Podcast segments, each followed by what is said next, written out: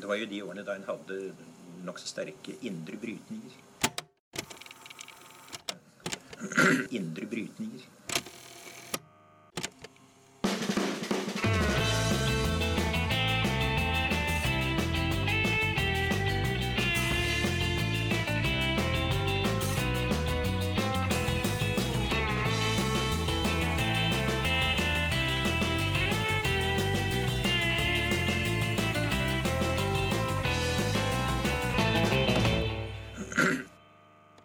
Hei og velkommen til eh, Noen har snakket sammen. Mitt navn er Aksel Fjelldavli. Eh, Tiril er ikke her i dag. Hun er ramma av sykdom. Ikke så alvorlig, men alvorlig nok til at man bør være hjemme fra jobb. Eh, Så i stedet så har jeg med meg Hilde Nagel, som er rådgiver i tankesmien Agenda. Og det vi skal få høre på i dag, er en samtale mellom deg, Hilde, og Robert Steen, som er finansbyråd i Oslo. Hva handla denne samtalen om? Eh, Det jeg snakket med Robert om, var eh, utfordringer som nå alle egentlig politikere i hele verden står overfor. Og det dreier seg om hvordan vi forholder oss til data. Og, og da mener jeg jo ikke sånn datamaskinene våre, men da mener jeg liksom de persondataene som vi avgir hver eneste dag eh, fra smarttelefonene våre, og når vi bruker tjenester og alt det vi legger oss etter oss av eh, spor, eh, er data. Og de, den, den dataen er faktisk nå blitt den mest verdifulle ressursen i hele verden. Mm. Mer verdifull enn olje. Og da har vi jo ikke lyst på en verden hvor det er bare teknologiselskapene som tjener penger på disse dataene. Så det som er det store spørsmålet nå, og som kommer til å bli et veldig, veldig viktig tema framover, det er jo hvordan er det vi klarer å lage spilleregler for den digitale økonomien, sånn at vi kan utnytte disse dataene til eh, vårt eh, kollektive felles beste. Mm. Og der har um, uh, Oslo kommune begynt et arbeid. Og de begynner å stille spørsmål som Får kommunens innbyggere de digitale tjenestene de trenger og har krav på? Er, hvordan kan data flyte på en måte som gjør at man kan utvikle de tjenestene? Eh, kan kommunen gjøre noe mer for å sikre seg tilgang, styring og kontroll med denne viktige ressursen som data er? Lytt til dette. Ny teknologi kommer til å forandre samfunnene våre fortere og mer enn det den industrielle revolusjonen gjorde. Eh, Jeg tror veldig sterkt på det. Eh, Det er mange som husker Sukker. Sukker.no, som var liksom en av de første populære datingsitene. Den er i dag eh, over ti år gammel. Så det betyr at veldig mange av de som traff hverandre på Sukker i sin tid, de er gift, de har stasjonsvogn, de har rekkehus, de har barn i Oslo-skolen, og en god del av de er skilt allerede. Så dette med digitaliseringen er ikke nødvendigvis noe som skal eh, komme om litt tid framover. Det er noe som skjer eh, i dag. Og det er en ting som jeg tror liksom vi kanskje for liten utstrekning ivaretar. Eh, og så eh, betyr det at eh, vi er eksponert og vi blir utsatt, men vi i veldig liten utstrekning tror jeg tar inn over oss og snakker om eh, hva, er, hva er det som skjer, hva er det som kommer til å skje som en konsekvens av, osv. Uh, og I den sammenhengen så tok jeg opp dette på landsmøtet i Arbeiderpartiet. Og så trakk jeg parallellen tilbake til en stortingsmelding som ble avgitt av regjeringen Bratteli i juni 1971. Det var da de lanserte sine ti oljebud, som jo ble egentlig premissene for oljepolitikken i dette landet. Og hvor oljen ble identifisert på et veldig tidlig tidspunkt. Kanskje, øh, og Det er der jeg syns jeg ser paralleller. fordi som du sier, i dag så er ikke data noe. Det er nok noe, og det er ingen som har eierskap til det. Jo, det er nok faktisk noen som begynner å ta eierskapet til det allerede. Eh, Men det er veldig tidlig fase. Det var det også med oljen på slutten av 60-tallet og begynnelsen av 70-tallet. Eh, Men så lagde man de ti oljebudene, som egentlig ble eh, fundamentet, pilarene for oljepolitikken senere, og som sa noe om eh, hvilke premisser man skulle behandle denne råvaren, denne ressursen, på. Og på det tidspunktet så var det også en råvare, en ressurs vi ikke hadde noe forhold til. Vi hadde aldri sett den, vi visste ikke at den var der. Vi hadde ingen greie på hvilken verdi den ville ha i framtiden. Men man lagde allikevel noen premisser rundt det. Jeg tror at data må behandles som en råvare og som en ressurs. Og det er en nasjonal råvare, det er en nasjonal ressurs. Derfor så bør vi også nå, eh, når denne her er i ferd med å utvikle seg og bli stor og sterk, og mange er egentlig ute og konkurrerer om denne råvaren og ressursen, så bør vi begynne å lage premisser for hvordan vi som land og samfunn skal forholde oss til denne ressursen, som jeg er overbevist om, og der er jeg ikke helt aleine, eh, kommer til å bli bare mer og mer viktig og mer og mer verdifull. Eh, fordi det er så banalt, som de gamle ordtakene forteller oss, at kunnskap er makt. Makt er konstant. Og jo mer du gir fra deg av makt, jo mindre sitter du igjen med sjøl. Veldig banalt. Og kunnskap er jo egentlig data. Så det å også uh, ikke forstå hva som skjer når veldig mye av kunnskapen vår datafiseres, altså digitaliseres, gjøres om til enere og nuller, uh, det å ikke forstå det, det er en stor utfordring for et samfunn. Og det er den jeg tror det er viktig for oss å ta tak i. Derfor så driver vi i Oslo kommune, fordi det er her vi sitter. Vi har ikke noen posisjon på nasjonalt nivå, men vi har en posisjon i hovedstaden og i den største kommunen og største fylket. Eh, derfor driver vi og skal utvikle det vi kaller for Oslo kommunes ti databud. I de databudene så tar vi mye inspirasjon fra Bratteli. Vi sier at all data som produseres og lagres i Oslo kommuneregi, det skal eies av enten kommunen eller av de innbyggerne som disse dataene genereres av eller rundt. Så skal disse dataene brukes på en måte som gjør at eh, det, det, det, det understøtter verdiskapning for innbyggerne i Oslo, skråstrek Norge, og næringslivet her hjemme. En av, da, en av, oljebudene i sin tid handlet jo om at aktører som skulle komme inn og hjelpe oss på å få opp oljen, de forpliktet seg også til å bygge opp kompetanse i en oljeindustri som ikke eksisterte på det tidspunktet. Jeg mener at vi skal bruke data og dataressursene våre på samme måten. Jeg sier ikke at vi ikke skal benytte oss av disse fantastiske internasjonale aktørene som har utviklet seg og lager mye fantastiske ting. Eh, de fleste av de er i dag amerikanske. I morgen er de kanskje en del av de også kinesiske. Men vi skal styre de. Og vi skal bruke den kompetansen og den eh, ressursen som de er, når de skal, eh, og du brukte uttrykket 'feede' av våre data, til å bygge kompetanse i Norge på det samme området. Hvis vi gjør dette helt ubevisst, så vil vi flytte makta fra Først norske offentlig sektor, så norske folkevalgte, og så det norske samfunnet til disse aktørene som ikke befinner seg her, som ikke har som primæroppgave å bygge og støtte opp under det norske samfunnet og samfunnsutviklingen, ei heller eh, er sannsynligvis av den samme oppfatningen i forhold til samfunn og samfunnsutvikling som det vi nordmenn er. Vi ses jo på som kommunister alle sammen, sett fra et USA-ståsted. Så alle disse tingene her eh, er jeg veldig opptatt av at vi må ha et veldig mye mer bevisst forhold til. Mm.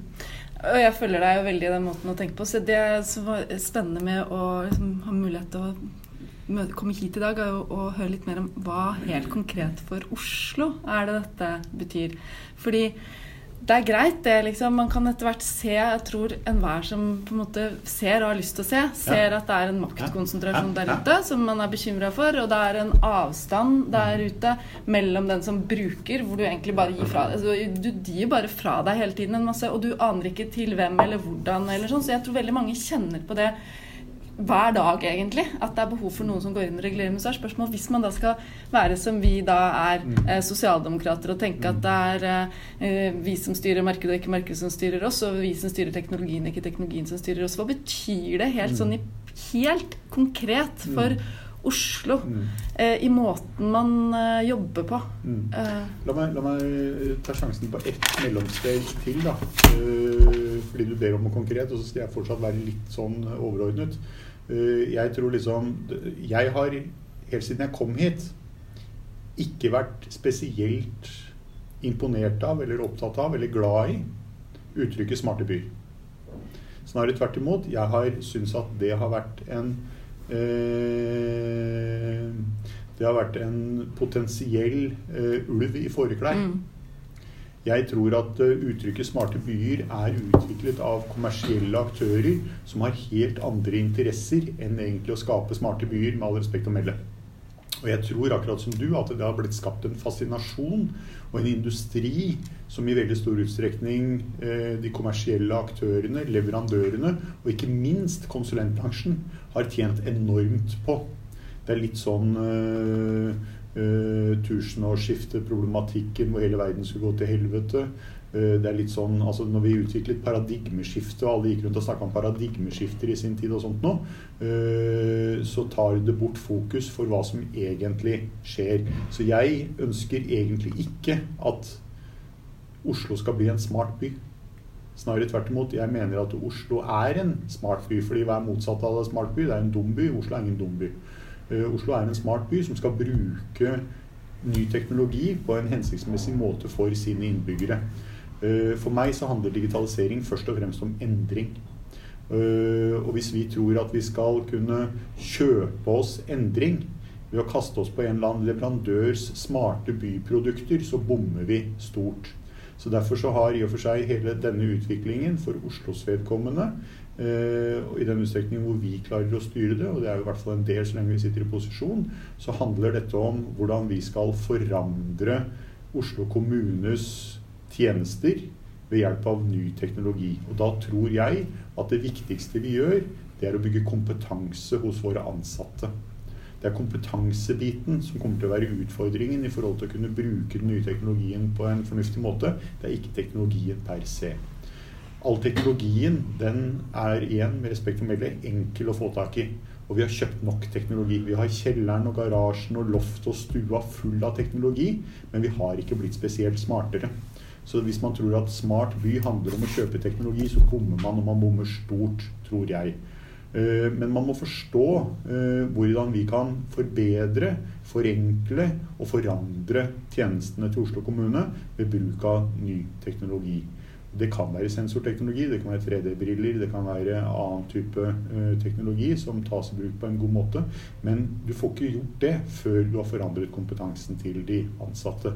Derfor så bruker vi mye ressurser nå på kompetanseheving hos ansatte, mellomledere og ledere i forhold til ikke å bli programmerere, men å forstå den nye teknologien.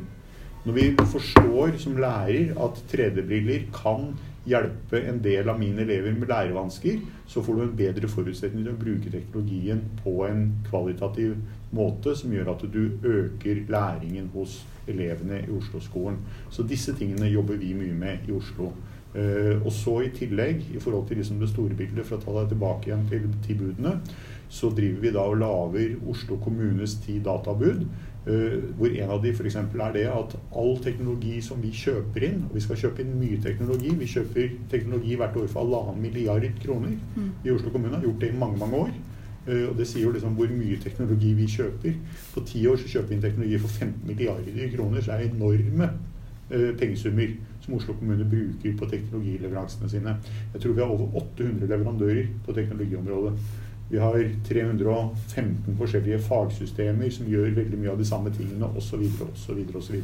Vi er jo eh, Norges største arbeidsgiver med 53 000 ansatte, så det er ikke så rart at det blir volumer på det Oslo gjør.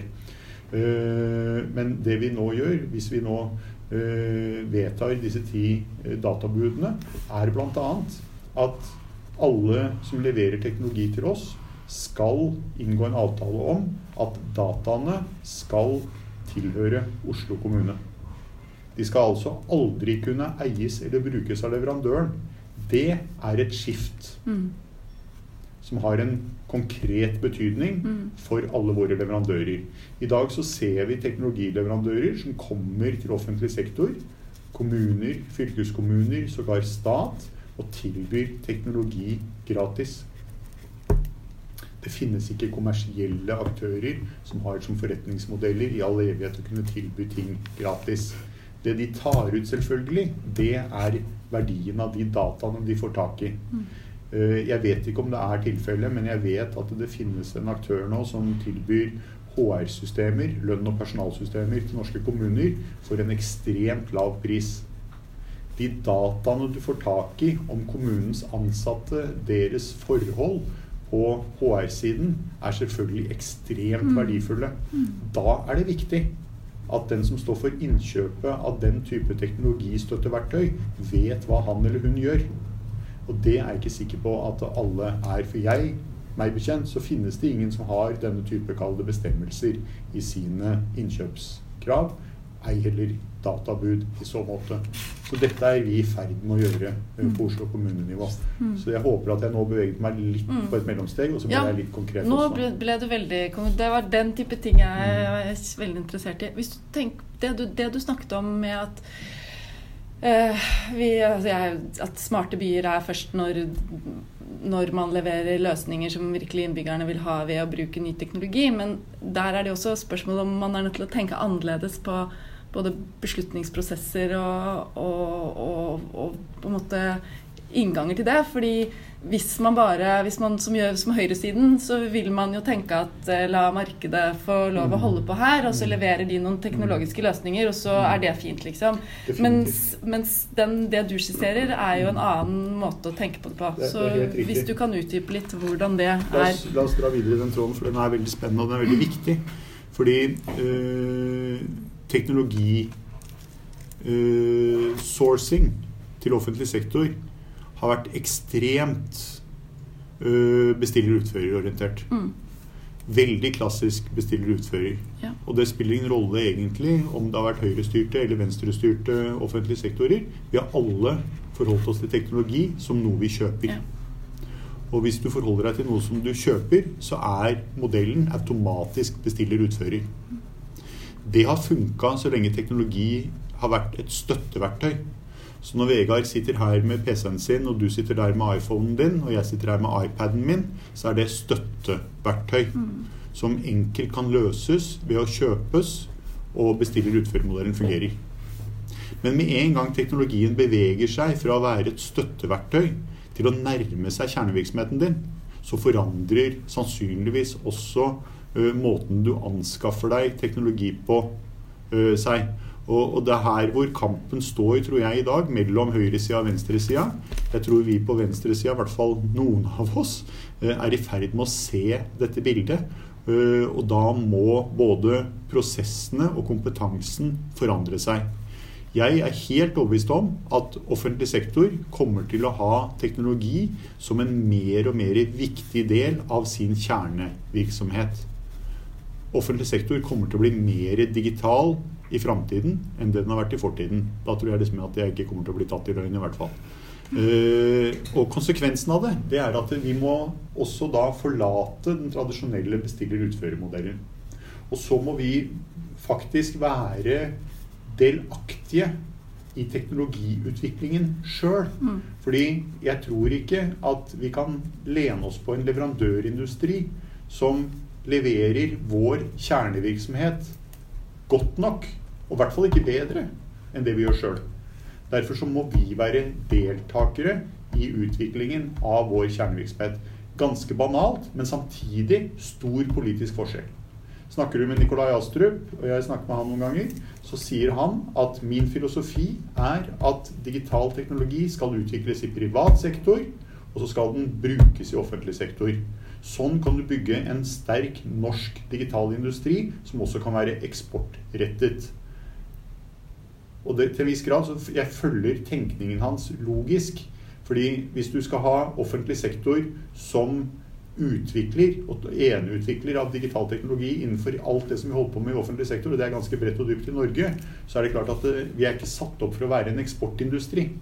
Så for å være liksom i en kall det global markedssituasjon, så trenger du på en eller annen måte den private sektoren som en motor. Og så er spørsmålet hvordan får du da til å lage velferdsteknologi på en effektiv og hensiktsmessig måte. Og det er der hvor jeg syns liksom høyresida og Nikolai ikke kommer langt nok i tenkningen sin. Fordi de stopper ved at eh, jo, eh, privat sektor kommer til å være de flinkeste til å gjøre dette. Jeg tror at årsaken til at vi ikke allerede er i verdenstoppen i forhold til å eksportere eh, offentlig digital teknologi, er fordi vi ikke har satt opp offentlig sektor til å være en profesjonell nok sparringspartner til teknologisida. Eh, Og da begynner jeg å nærme meg eh, svaret på spørsmålet ditt. Som du ser, jeg har lært å bli politiker i, i, i, i, etter hvert. Eh, jeg er helt overbevist om at som jeg sier, dette er kjernevirksomhet. Vi må bygge kompetanse til å utvikle vår teknologi basert på det som man i teknologiverden kaller for smidig metode. Kontinuerlig utvikling. Leverandør bestiller, eh, bestiller utførermodellen er også basert på anbudsregimer, armlengdes avstand, sporbarhet på penger og beslutninger. Alle disse tingene er viktige deler av offentlig forvaltning. Det betyr at når vi skal kjøpe teknologi, så må vi spekke opp i detalj hva vi skal ha. Det må være forståelig for flere leverandører som skal likebehandles. Og så skal en av de få kontrakten, og da skal de levere akkurat det jeg har spekka opp. Og skal de få akkurat de pengene som de har bedt om at eh, de skal ha for den leveransen. Sånn fungerer det systemet. Sånn fungerer ikke digital utvikling. Og Det er der det krasjer for oss. og Derfor så får vi liksom det ene katastrofe-IT-prosjektet etter det andre. Og det kommer bare til å fortsette, med mindre vi klarer å gjøre noe med modellen. Derfor så driver vi nå og ansetter mennesker med teknologibakgrunn, teknologikompetanse, som vi begynner å integrere med våre eh, tradisjonelle virksomhetsområder. Eh, for at de skal kunne faktisk være en aktiv pådriver av kontinuerlige utviklingsprosjekter internt i kommunen, og hvor eh, leverandørindustrien skal få lov til å være med, men som støtteverktøy, og ikke som leverandører i den klassiske formen. Mm. En ting, Et eksempel, fordi dette kan bli litt diffust, eh, et eksempel på det er det er ikke sikkert du har fått med deg, men det er også men det er, altså, Jeg tror det er den app, norske appen som er nedlastet oftest uh, fra AppStore siste, siste året, uh, siste månedene. Det er jo ikke så lenge siden vi lanserte den. Oslo-nøkkelen er en digital nøkkel på smarttelefonen som i dag låser opp gjenbruksstasjoner og BU-lokaler på Alnabru. Det er første utrullingen. Veldig gøy. Jeg Kjente ikke til det. Veldig gøy. Ja. Uh, og, og, litt banalt igjen. Men, det er, det er, men dette, er, dette, er, et eksempel på hvordan teknologiutvikling skal gjøres. Dette er det motsatte av den smarte byen. Vi har altså laget en digital nøkkel som åpner nå Grønmo og Alnabru og Bryn gjenbruksstasjon nede på Søringa her og sånt nå. Uh, og så åpner det bydelslokalet oppe på Lindeberg. Nå før sommeren så skal vi koble på alle de meråpne bibliotekene i Oslo. Så til høsten så skal vi begynne å rulle dette ut på sykehjemmene i Oslo for pårørende som ønsker tilgang til sykehjemmet og får det av sykehjemmet utenom visittid og område etter område. Og her er jo potensialet enormt. Skolene Vi, skal, vi driver nå og utvikler sammen med Nøkkelen en bookingløsning. Så hvis du har barn på barneskole som skal ha bursdag på fredag, så gjør du en avtale med rektor om at du låner klasserommet på fredag, og det er Oslo-nøkkelen din som bestemmer at du har, du har tilgang til det klasserommet fra torsdag klokka tolv til lørdag klokka fire om ettermiddagen. Da har du tilgang. Så skrus den tilgangen av. Og du åpner opp skolen og klasserommet med den nøkkelen, og, skolen, eh, og, og, og datteren din bruker det til bursdagsfeiringa si. Så du ser område etter område. Det er det jeg kaller for uh, smidig metode, kontinuerlig utvikling. Uh, ideene kommer etter at vi har lansert. Skulle du beskrevet noe sånt for en leverandør i en bestiller-utførermodell, så ville du måtte for det første ha brukt to-tre år på å lage spekken. Da hadde du sannsynligvis allerede vært for seint ute med tankene dine fordi verden går videre. Og du ville heller ikke fått med deg alt det du skulle, så det hadde kommet så mye tilleggskrav som hadde blitt lagt i en sånn fase to-dunk, eh, som heller aldri hadde kommet før liksom tre-fire år. Og pengene som var allokert, de var allerede bundet i budsjettene, osv., osv., osv. Jeg var sammen med en som heter Laschet, som er eh, Han er politisk leder i Rheinland-Pfalz i Tyskland. Og han sier, eh, og jeg tror han har rett, og det er et godt uttrykk, at vi befinner oss i en tid hvor digitaliseringen nå er en kamp mellom et laissez-faire, markedsstyrt USA og et diktatorisk Kina. Og mellom der så sitter Europa og har egentlig ansvaret for å ivareta grunnlaget for et liberalt demokrati. Og Det er liksom også den globale tenkningen rundt det. Dette snakket jeg med, dette snakket jeg med Morozovov Unnskyld, jeg ble bare Ja. ivrig. Dette snakket jeg med Morozov også om, og han mener at eh, eller, og, og, og dette har han også for så vidt skrevet litt om, tror jeg. eh, Og at det er en mulighet for eh, Europa som en tredje vei, da, en demokratisk tredje vei. Også fordi at vi har de tradisjonene vi har for rettsstat og liberalt demokrati og menneskerettigheter osv. Um, og da har jeg lyst til å spørre deg om hvordan du ser EU i det bildet. Altså Jeg mener jo at EU i det bildet, hvis vi sier at det er tre aktører Det er eh, Kina, det er USA og det er EU. Så mener jeg at eh, EU med vårt eh, samfunnssyn er de som er mest progressive. Jeg mener jo at GDPR er faktisk et fantastisk forsøk på å prøve å regulere. Eh, og så eh, skal vi også være såpass eh, edruelige og kunnskapsfulle at det er en risiko for at vi i vår reguleringsiver holder igjen Europa så mye at disse to giganttogene drar så langt av gårde at vi ikke klarer å ta det igjen. Sånn at eh, det er, eh, Igjen så er vi tilbake på dette med kompetanse og kunnskap. Vi må skynde oss til å fylle på kompetanse og kunnskap hos samfunnslederne, og det er jo ofte politikerne rundt omkring, slik at vi virkelig forstår porsjoneringen av regulering og fart. Vi må ha begge deler. Vi er nødt til å ha foten både på gassen og bremsen samtidig. Uh, og det er det som er vanskelig oppi dette her, da.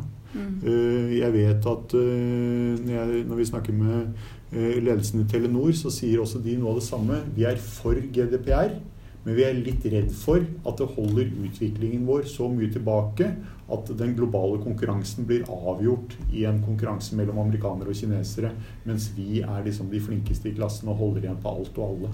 Men vi tror på personvernet, vi tror på integriteten, vi tror på demokratiet. Men vi skal ikke være blåøyde. Det sier de som aktører. Uh, og det også lytter jeg til. Så, men igjen så er det eh, Den største bekymringen min er at eh, vi beveger oss inn i dette landskapet fullstendig bevisstløse. Det er den største bekymringen.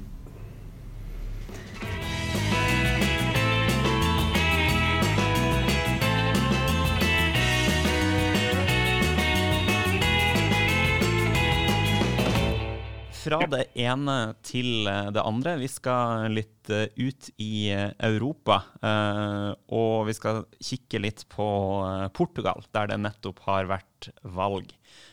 Og Halvor Trettvoll, som jo er mildt sagt a friend of the pod, og som har skrevet eh, sosialdemokrati i en skjebnetid, har også skrevet en tekst i Agenda Magasin om dette valget i Portugal. Kan ikke du, Halvor, fortelle litt? eh, Hva, hva er det med Portugal?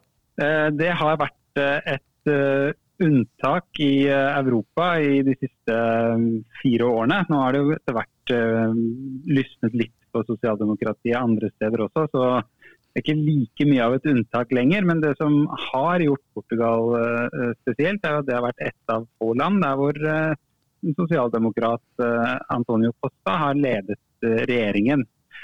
Og eh, det er en tid som, som jo mange an, i mange andre land bød på mange skuffelser eh, for sosialdemokratene. Så klarte han å eh, ikke vinne valget i 2015, men likevel danne regjering etter å ha inngått en, en avtale med eh, noen andre venstrepartier av litt ulik eh, karakter.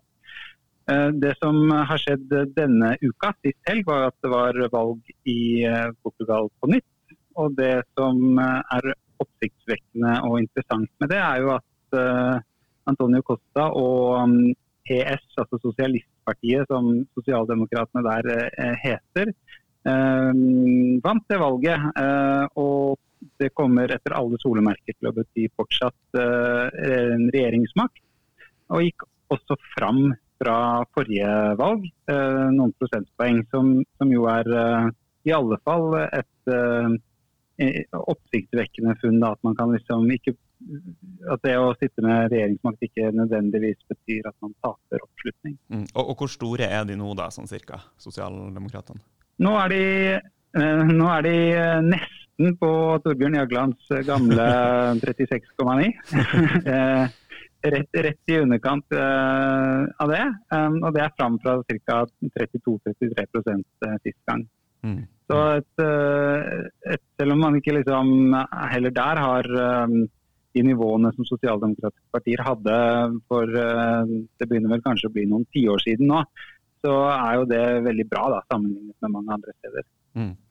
Eh, nå er det jo kanskje litt eh, prematurt å komme med liksom forklaringer med stor F på hvorfor eh, valget gikk som det gikk eh, nå, men en ting som du trekker fram, er jo bl.a. dette at eh, Costa sin regjering har jo ført en politikk som vel velgerne kanskje har opplevd som ganske troverdig som et alternativ til den sparepolitikken som har blitt ført i en del andre europeiske land. Er det riktig beskrevet? Ja, på tvers av, det sørlige Europa så var jo uh, responsen på um, finanskrisen ganske sånn harde tak og budsjettkutt og krav fra kreditorer som uh, troikaen med IMF og EU-kommisjonen og europeiske sentralbanken osv.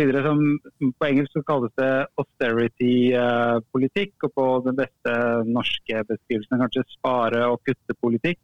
Som går ut på at uh, man fikk liksom opplevd et veldig sterkt press for å um, kutte i offentlige budsjetter og utgifter, og samtidig liberalisere markeds, uh, arbeidsmarkedslovgivning og sånne ting. Mm. Uh, formålet, og Det var en betingelse for å få sånne krisepakker som mange av disse landene, inkludert Portugal, hadde behov for. Um, selvfølgelig så har det store sånn, sosiale um, kostnader å føre en sånn politikk. Og, og, Det som skjedde i 2015, som var grunnen til at Antonio Costa kunne ta over da, det var jo at um, han og hans parti og disse andre uh, venstrepartiene, som er av litt ulike art, men både gamle kommunister og, og venstresosialister, um, kunne på en måte samle seg om et felles prosjekt da, som var at uh, det er nok um, austerity, nok kutt- og sparepolitikk, og dermed um, samlet, de, samlet, de, seg som et alternativ. Mm. Og så var det jo ingen den gang som ga dette noe særlig um, som trodde noe særlig på dette, eller få trodde noe særlig på dette, at det skulle vare. Uh, fordi den uh, responsen som den type Eh, vendinger hadde fått andre steder. I Hellas f.eks. var jo at, eh, at, selv, at, man etter hvert så ble selv sånne um, um, venstreorienterte regjeringer tvunget med på premissene. Ja, for Hellas fikk jo skikkelig smekk. Nettopp, med Syriza i, i, Hellas. Så er det mange forskjeller mellom Portugal og Hellas um, som det er viktig å ha med seg. En av de er jo det at, at PS i Portugal har ikke gått i en sånn si, ny venstrepopulistisk retning, da, som man har sett i mange andre av disse landene. Det er ikke Podemos eller Syriza eller, eller Jeremy Corbyn vi snakker om her. Det er et ganske klassisk sosialdemokratisk parti som så at det var en taktisk og strategisk mulighet å samarbeide med disse andre venstrepartiene og lage en eh, og i hvert fall utnytte det handlingsrommet som på en måte faktisk fantes innenfor spare- og kuttepolitikken som en slags overordnet ramme. Og gi noen konsesjoner på noen ting, men likevel liksom ikke bryte så fundamentalt med det at man skremte fra seg eh, investorer og markedene osv. Mm, så det er en knivsegg å balansere på der. Ja, definitivt. Og, og, på den ene siden så er han liksom, det viser jo valgresultatene eh, denne uka, klart å overbevise velgerne i Portugal om at han representerer noe annet, men kanskje også at han representerer eh, en form for eh, stabilitet og økonomisk fornuftig politikk. fordi det han har klart å gjøre, er å få i gang um, igjen i portugisisk økonomi. Den er bedre enn i veldig mange andre eurosoneland. Og han har klart å få ned um, budsjettunderskuddene til nesten uh, null. Noe som også er, må ses på som en, en sånn, et godt politisk håndverk og, og, en bragd på den måten. Samtidig som man altså har klart å holde på oppslutningen blant folk, som da på en eller annen måte antar at uh, han er uh, altså at, at, det er bedre at han og sosialdemokratene i Portugal um, styrer denne prosessen, um, den økonomiske politikken, enn at uh, sentrum-høyre-siden gjør det. Mm.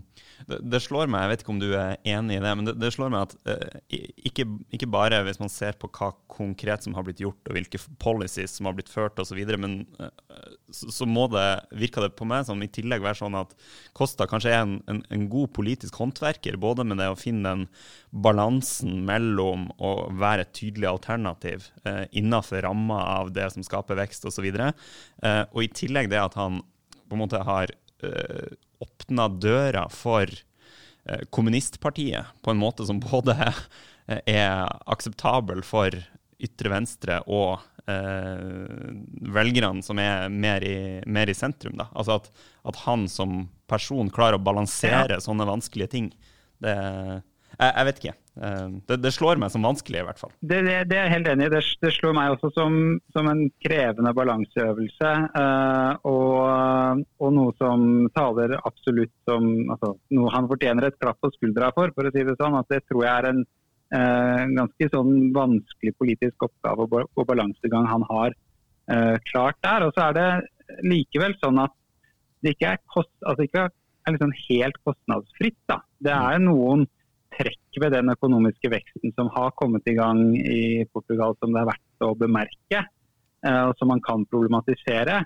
Um, det ene er jo at det er eh, fortsatt sånn at mange av de som mistet jobber under finanskrisen i trygge bransjer, har fått nye jobber i mer usikre stillinger med dårligere ansettelsesvern og midlertidige kontrakter osv. Og, så mm. og i særlig grad så er det i, eh, i turist industrien da, som, som, mye av veksten har uh, foregått i. Og den uh, bransjen er uh, jo preget av nettopp det sesongarbeid og kortsiktige kontrakter og, og, og så mm. videre. Så Det er en, en, side av det. En annen side av det er jo at å holde budsjettene i noenlunde balanse har jo krevd at det ikke er blitt brukt så mye som man kanskje burde ha brukt på helse, utdanning, Uh, og den type ting. Det er ikke noe um, uh, voldsom spending-politikk som, som, er drevet der. Og det er mange som er bekymret for um, både lærerlønninger og, og kollektivtrafikken si, og samferdsel. Og, mm. og, til og med da det var sånne skogbranner i Portugal for et par somre siden som var ganske dramatiske, så så dukket dette opp, og, og beskyldningen var at det da var eh, underfinansiering i eh, brann- og redningsetatene. Sånn at det, det er ikke helt uh, entydig, det der. Og så er det også sånn at en av policyene har vært å tiltrekke um, utlendinger til Portugal ved å ha ganske sånn lukrative skatteordninger og andre ting for de. Eh, det har jo ført til en økonomisk vekst, sant? men en del av den veksten har også vært gjennom voldsom vekst i boligprisene. Mm. Mm. Så de som uh, har vært mange ganger i, uh, i, Lisboa eller Algarve eller andre deler av, av, Portugal, kan nok skrive under på det at de har sett en, en sånn endring i hvordan, hvordan landet framstår. Da. Så det har en kostnadsside også, og det kan nok på et eller annet tidspunkt bli en belastning og en problemstilling. Ikke minst så ser vi jo mange steder at diskusjonen rundt turisme som, eh, som eh, hjørnesten i et lands økonomi kan problematiseres. Det er mange har belastende sider da, mm. ved seg. En sånn voldsom masseturisme. Mm. Eh, I, I, boka di 'Sosialdemokratiet i en skjebnetid' så eh, er jo eh, Portugal ikke et av landene du skriver om, men det er Spania. Eh, og der har jo også sosialdemokratene gjort det relativt eh, OK i eh, det siste valget. ser du noen paralleller mellom de to landene?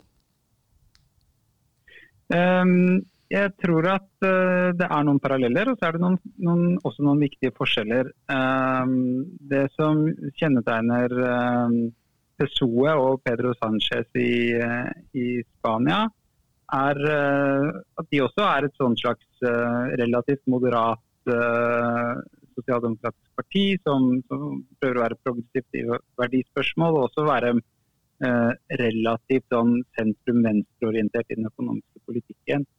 Eh, de har også forsøkt å få til et samarbeid med Podemos, det venstrepopulistiske partiet. altså Det som ligger på, til venstre for, SOA, og som på et tidspunkt så til å kunne gå forbi det i oppslutning, men nå ikke lenger eh, gjør det. Eh, men det lykkes eh, Pedro Sánchez ikke med i eh, sommer. Eh, og det har jo ført til at i motsetning til Portugal, så er jo Spania preget av en slags politisk ustabilitet for tiden. Det går mot det fjerde parlamentsvalget der på like mange år. Um, sånn at Ja, det er noen likheter uh, i innstilling og sånn, men utfallet har vært veldig forskjellig. da. Ja, eh, Halvor. Eh, tusen takk for at du eh, gjorde oss litt, eh, litt klokere på, på den eh, iberiske halvøy. Og så kan vi jo bare anbefale de som, de som har lyst til å sjekke ut saken i Agenda Magasin som Halvor har skrevet om det portugisiske valget også. Takk skal du ha, Halvor mm. Tretvold. Hyggelig å være med. Tusen takk. Hei.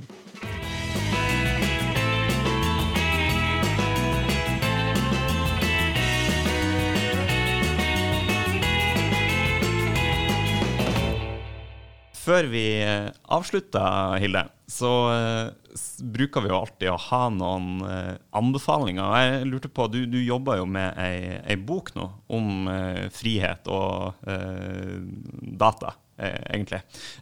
Har du noen anbefalinger som folk som ikke kan vente på boka, kan lese litt på i mellomtida? Ja, her skjer det jo så utrolig mye, og det skrives og gjøres vanvittig mye. Men det, det jeg har tenkt på akkurat nå som har inspirert meg veldig det siste, i hvert fall, det er det som økonomen Mariana Matsukato eh, holder på med. Hun er økonom, men hun er, blir også brukt nå som rådgiver inn både til EU, eh, e til eh, FN og til Storbritannia på å se på hvordan er det vi tenker om innovasjon eh, i den nye datateknologien. Hvordan er det Burde vi istedenfor å tenke at eh, eh, innovasjon er hva den er for noe som private selskaper skaper, kan vi heller tenke det hun kaller mission oriented. Mm. Altså at eh, man setter seg noen visjoner for hva man vil, og så får man nye produkter og ny innovasjon gjennom det. Mm. Det er en helt annen måte å tenke liksom, hva det er vi vil med teknologien. da. Mm. Og der er det, det er veldig bra intervju og eh, en, eh, en, en, story på henne i Wired nå. Som er en sånn langlesning, men som jeg virkelig anbefaler. Hvor du delvis går fram liksom, hva er det hun hvordan tenker hun, men også hvordan omsettes dette nå faktisk i dag til liksom, praktiske prosjekter rundt omkring F.eks. hvordan hun tenker om forskning i EU. Mm. Kanskje skal det være sånn at vi er nødt til å sette opp litt sånn mål som øh, plastfrie hav eller utslippsfrie byer, før vi virkelig får den innovasjonen som vi som samfunn mm. trenger. da. Mm. Ja, bra anbefaling. Jeg, jeg tenkte også å anbefale en eh, å si, kategorien tenker. Eh, og det er jo en, en eh, kjenning av de som har eh, fulgt denne podkasten og som har fulgt Agenda. Eh, Thomas Piketty eh, kommer jo med bok som foreløpig bare har jeg kommet på fransk, som jeg ikke skjønner noe av. men den boka kommer på engelsk i mars. Men i mellomtida går det an å lese et intervju med han som står på vagant.no under overskrifta 'Å bryte opp eiendomsretten er ingen utopi'. Og, og her uh, hører man jo at det er en viss uh, radikalisme. Så det er jo fra uh, den forrige boka hans, 'Kapitalen', der han tegner opp et bilde av hvor skeiv fordelinga av formue er i verden, så snakker han nå om hvordan dette ikke er skjebnebestemt, og at det går an å lage politikk for å gjøre noe med det. Så med den anbefalinga så sier jeg takk for nå, og så ses vi igjen neste uke.